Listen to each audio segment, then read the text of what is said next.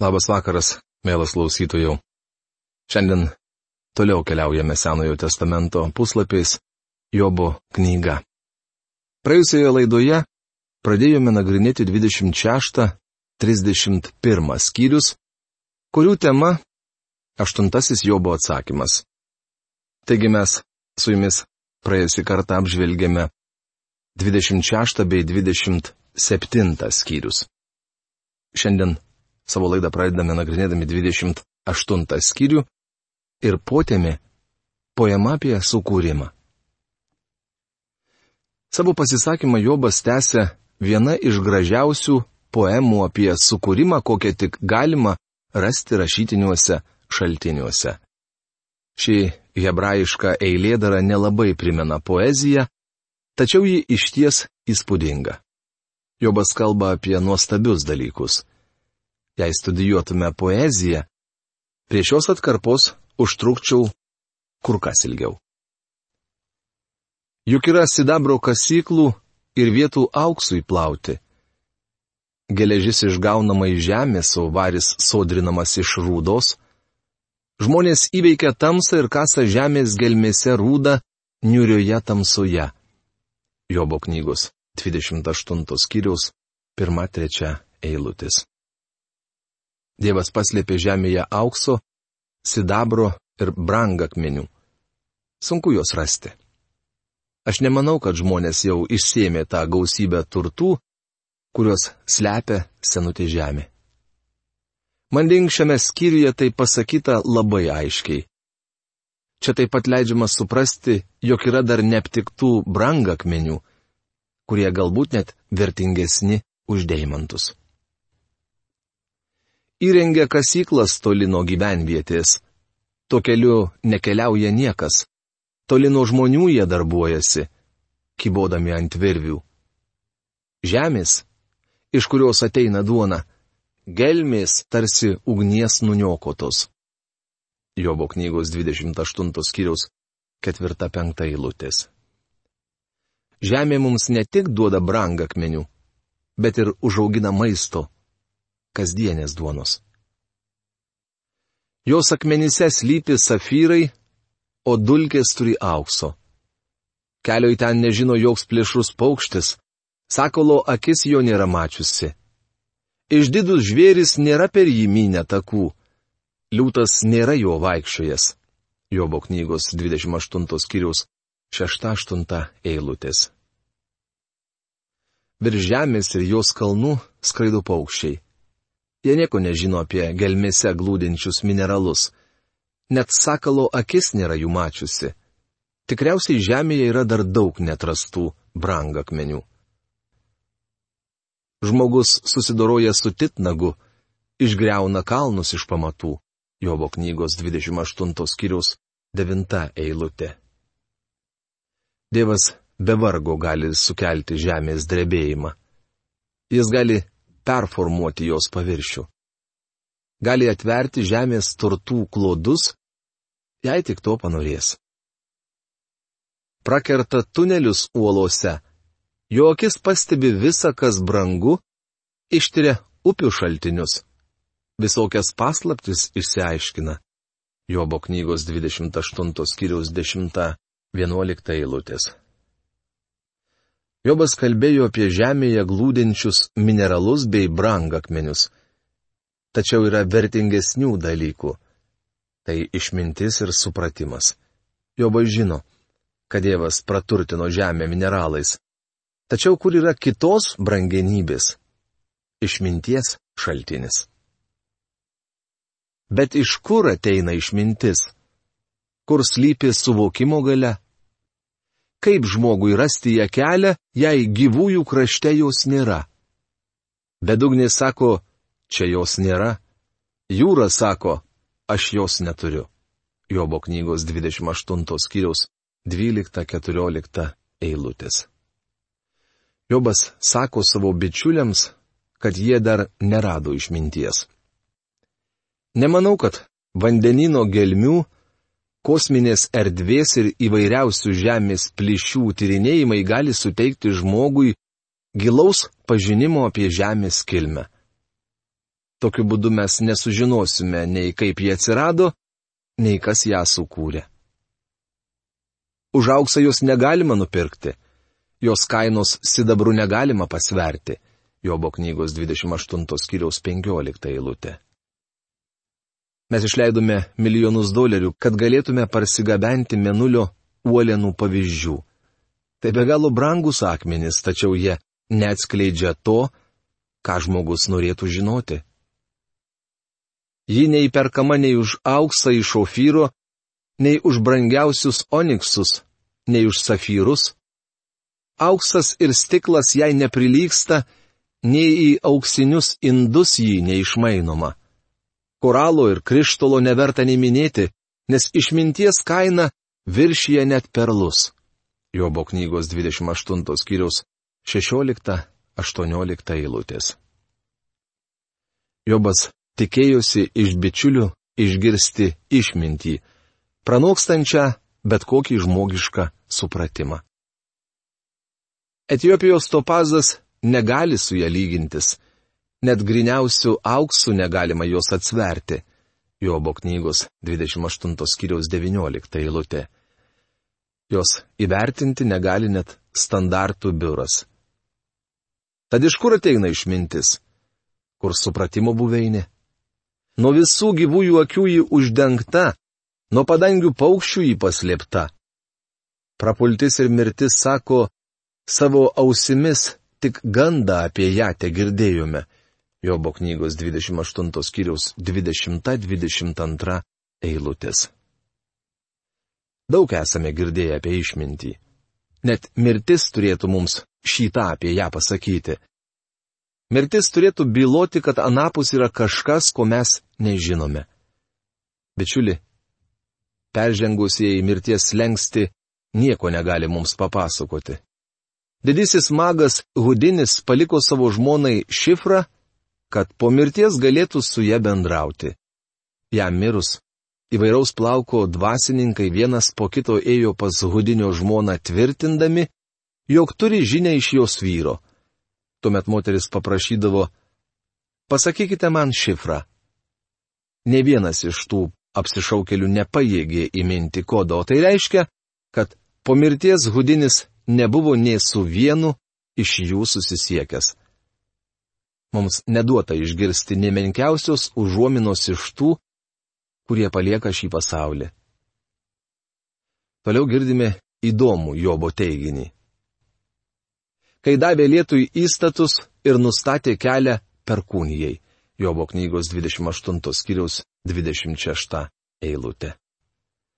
Angliškame karaliaus Jokūbo Biblijos vertime ši eilutė skamba taip kai jis davė lietui įstatus ir kelią žaibo griausmui. Daugelį metų kritikai tvirtino, kad tai klaidingas teiginys, juk visi žino, kad pirmiau pamatome žaibą, o tik vėliau išgirstame griaustinį. Tačiau, kai buvo nustatyta, jog garso bangos klinda kur kas lėčiau už šviesos bangas, paaiškėjo, kad žaibo blykstelėjimas sukelia griaustinio trenksmas. Argi nenuostabu, kad Jobas tai žinojo? O žmogui tarė, tikėk manimi. Pagarbi viešpaties baimė yra išmintis, o vengimas pikta - protas. Jobo knygos 28 skyrius 28 eilutė. Draugai nepajėgė suvokti Jobo problemos. Slapta šio vyro nuodėmė bus atskleista, tačiau ji visai netokia, kaip mane Jobo bičiuliai. Jobo kamavo baisus asmeninės savigarbos sindromas. Tai labai sunki lyga, kuomet trumputis įvardis aš taip sureikšminamas, jog žmogus te gali kalbėti apie aš, aš, aš. Matome, kad Jobo širdis kupina puikybės. Tai rodo, jog net geram žmogui būtina atgailauti. Šiame skyriuje, kurį sudaro vos 25 eilutės, Jobas apie pusšimtį kartų pavartoja įvardį aš arba mane. Pasibraukite šios žodelius savo Biblijoje. Nustepsite pamatę, kiek jų daug. Jobas užsisklendęs savyje, tai yra pagrindinė jo problema. Ši savybė paveikė jo gyvenimą, kitaip ir būti negalėjo. Kažkas yra pasakęs, užsisklendus į savyje žmogų galima uždaryti į nepaprastai mažą dėžutę. Šiame skyriuje neišgirsime Jobo atgailos vien tik puikavimasi savimi. Jį kaip ir daugelį iš mūsų, kamuoja asmeninės savigarbos sindromas. Įvardis aš daugeliu iš mūsų yra tapęs gyvenimo rato stebulę. Visa kita - iš šalis einantys stipinai. Nematome, kad Jobo dvasia būtų palaužta. Nematome nei sudužusios atgailaujančios širdies, nei kalties pripažinimo, nei išpažinties. Draugai negalėjo padėti Jobui. Jiems nepavyko nustatyti tikrosios problemos. Trijulė nepažinojo Jobo, nepažinojo savęs ir žinoma paties Dievo. Šie vyrai mane, kad Dievas siuntė Jobui negandas kaip bausmę ir buvo tikri, kad jis paprasčiausiai nenori atsiverti. Jie erzino jį ir buvo apgailėtini godėjai. Nors trys draugai naudojo skirtingus metodus, tačiau visi priejo tą pačią išvadą. Galime apibendrinti Jobo draugų metodus. Elifazo lūpomis kalbėjo patirtis. Šiandien sakytume, kad jis naudojo psichologinį metodą, išaukštinantį pozityvios mąstysenos ir teigiamo nusistatymo galę. Bildadas buvo tradicionalistas, vadovavęsis filosofiniu metodu, būdingu daugeliui nūdienos seminarijų. Sofaras buvo religinių dogmų šalininkas. Jis manėsi viską žinas apie Dievą. Beje, Sofaras kalbėjo panašiai kaip daugelis fundamentalių tikėjimo tiesų besilaikančių krikščionių. Kiekvieną iš mūsų būtų galima priskirti vieną iš minėtų kategorijų, kurias atstovauja trys Jobo draugai. Kaip matėme, ne vienas Jobo bičiulis neįstengė jam pagelbėti. Prieš pradedant skaityti 29 skyrių noriu kelis žodžius tarti Jobo naudai. Dievo nustatyto standarto, tai yra aukos požiūriu, jis buvo nepeiktinas žmogus. Jobas buvo labai turtingas. Jis turėjo viską, kas teikė šiam gyvenimui malonumo ir galėjo išgarsinti jį visame pasaulyje. Matėme, kad jis buvo religingas vyras, bijojo Dievo ir rūpinosi savo vaikais. Jobas nebuvo apsimetelis. Pasvėrė į Dievo svarstyklėmis, negalėtume jo pavadinti veidmainiu. Taigi bičiulių užuominos buvo bjaurios ir niekšiškos. Jobas buvo tikras Dievo šventasis ir jo vaikas. Tad kodėl šis vyras turėjo kentėti? Kentėjimas šiuo atveju visai nesminis dalykas, nors to niekada nebūtumėte išgirdę iš paties Jobo. Kančia Jobo knygoje užima ne ką svarbesnę vietą nei žuvis Jonos knygoje. Jonos knygoje aprašomi Jonos ir Jehovo santykiai. Tuo tarpu čia esminė problema yra Jehovos ir Jobo santykiai. Net Dievo ir žmonijos priešas Šietonas lieka antrame plane. Tikroji problema pats Jobas. Šis vyras nepažinojo nei savęs, nei Dievo. Sokratas yra pasakęs - pažink save. Tai svarbu. Jobas savęs nepažinojo. Jis pasikliovė savo teisumu ir tuo pasitenkino. Jis girdėdavo iš aplinkinių daug įvairių komplimentų ir pamažu ėmė kelią klupščiauti savo. Šio vyro gyvenime įsišaknyjo dvasinis egoizmas. Labai aiškiai tai išvysime, kai į Jobą prabils pats viešpats Dievas.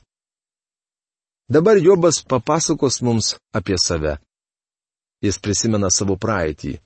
29 skyriuje jis sako, štai koks yra mano gyvenimas. Tada Jobas toliau tęsė savo kalbą ir sakė. O kad būčiau kaip kadaise, praėjusiais mėnesiais, kaip dienomis, kai Dievas mane globojo. Jobo knygos 29 skyriaus 1-2 eilutės. Skaityti žodžiai man primena vakarėlį, apie kurį kalbama šiame eilėraštyje. Paklausykite. Surenkti vakarėlį sumaniau. Nedidelį, kad būtų mums smagiau. Nebuvo daug svečių tenai. Tik trys seni geri draugai. Aš pats, taipogi su manim ir savo. Aš pats vaišinosi lietiniais ir su manim dalinos sumuštiniais. Maloniai aš pasiūlė savo arbatos, sausainių, kreušių ir salotų su špinatais. Kaip gera buvo mums visiems prie stalo. Kai švietė jo žibintas virš mano galvos ir jo šviesoje ėjau per tamsą, Jobo knygos 29 skyriaus 3 eilutė. Jobas prisimena senus gerus laikus.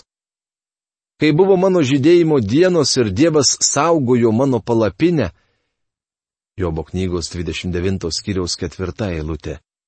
Šis vyras nuo pat jaunų dienų tarnavo Dievui kai visagalis dar buvo su manimi ir mano vaikai dar supo mane, kai mano kojos būdavo plaunamos piene ir iš uolos tekėjo aliejaus rovės, kai eidavau pro miesto vartus užimti savo vietos aikštėje, Jobo knygos 29 skyriaus 5-7 eilutės. Kadaise Jobas mėgavosi gerovę. Visa, prie ko jis prisiliesdavo, virsdavo auksu. Jobas buvo ne tik turtingas, bet ir labai įtakingas.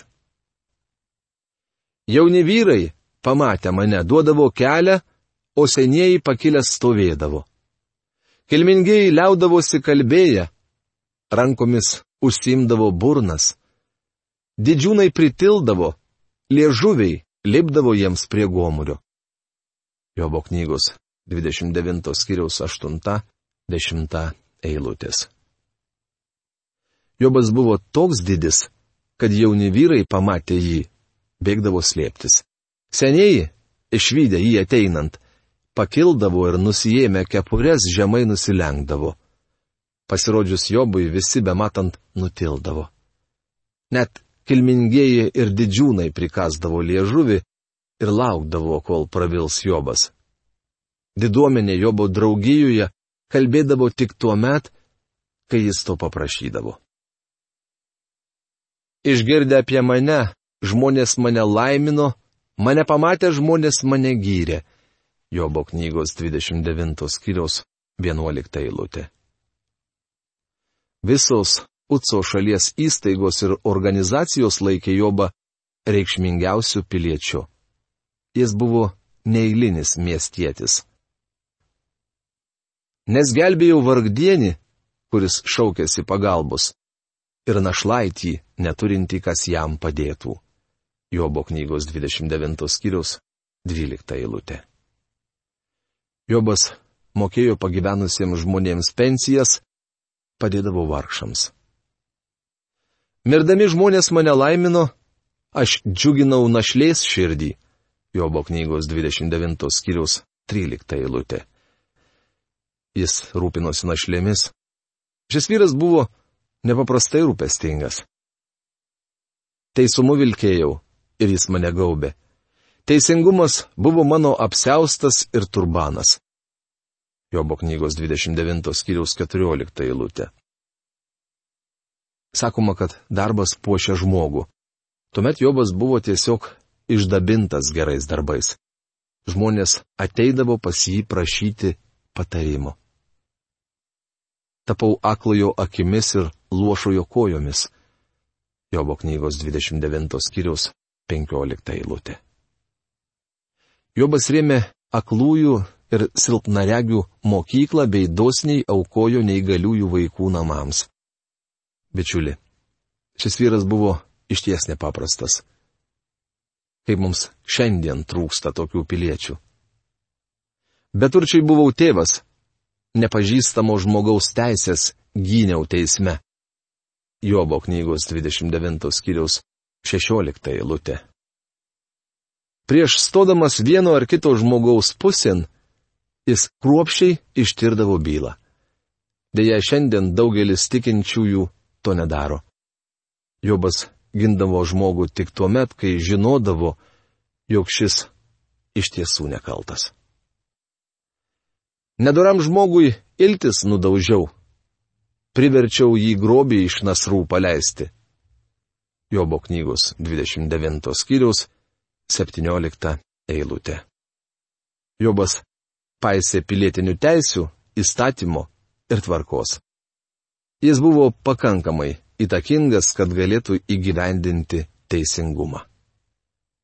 Štai koks buvo Jobas. Mielas klausytojų, šiandien mūsų programai skirtas laikas baigėsi. Susitiksime kitoje laidoje. Iki malonaus. Sudė.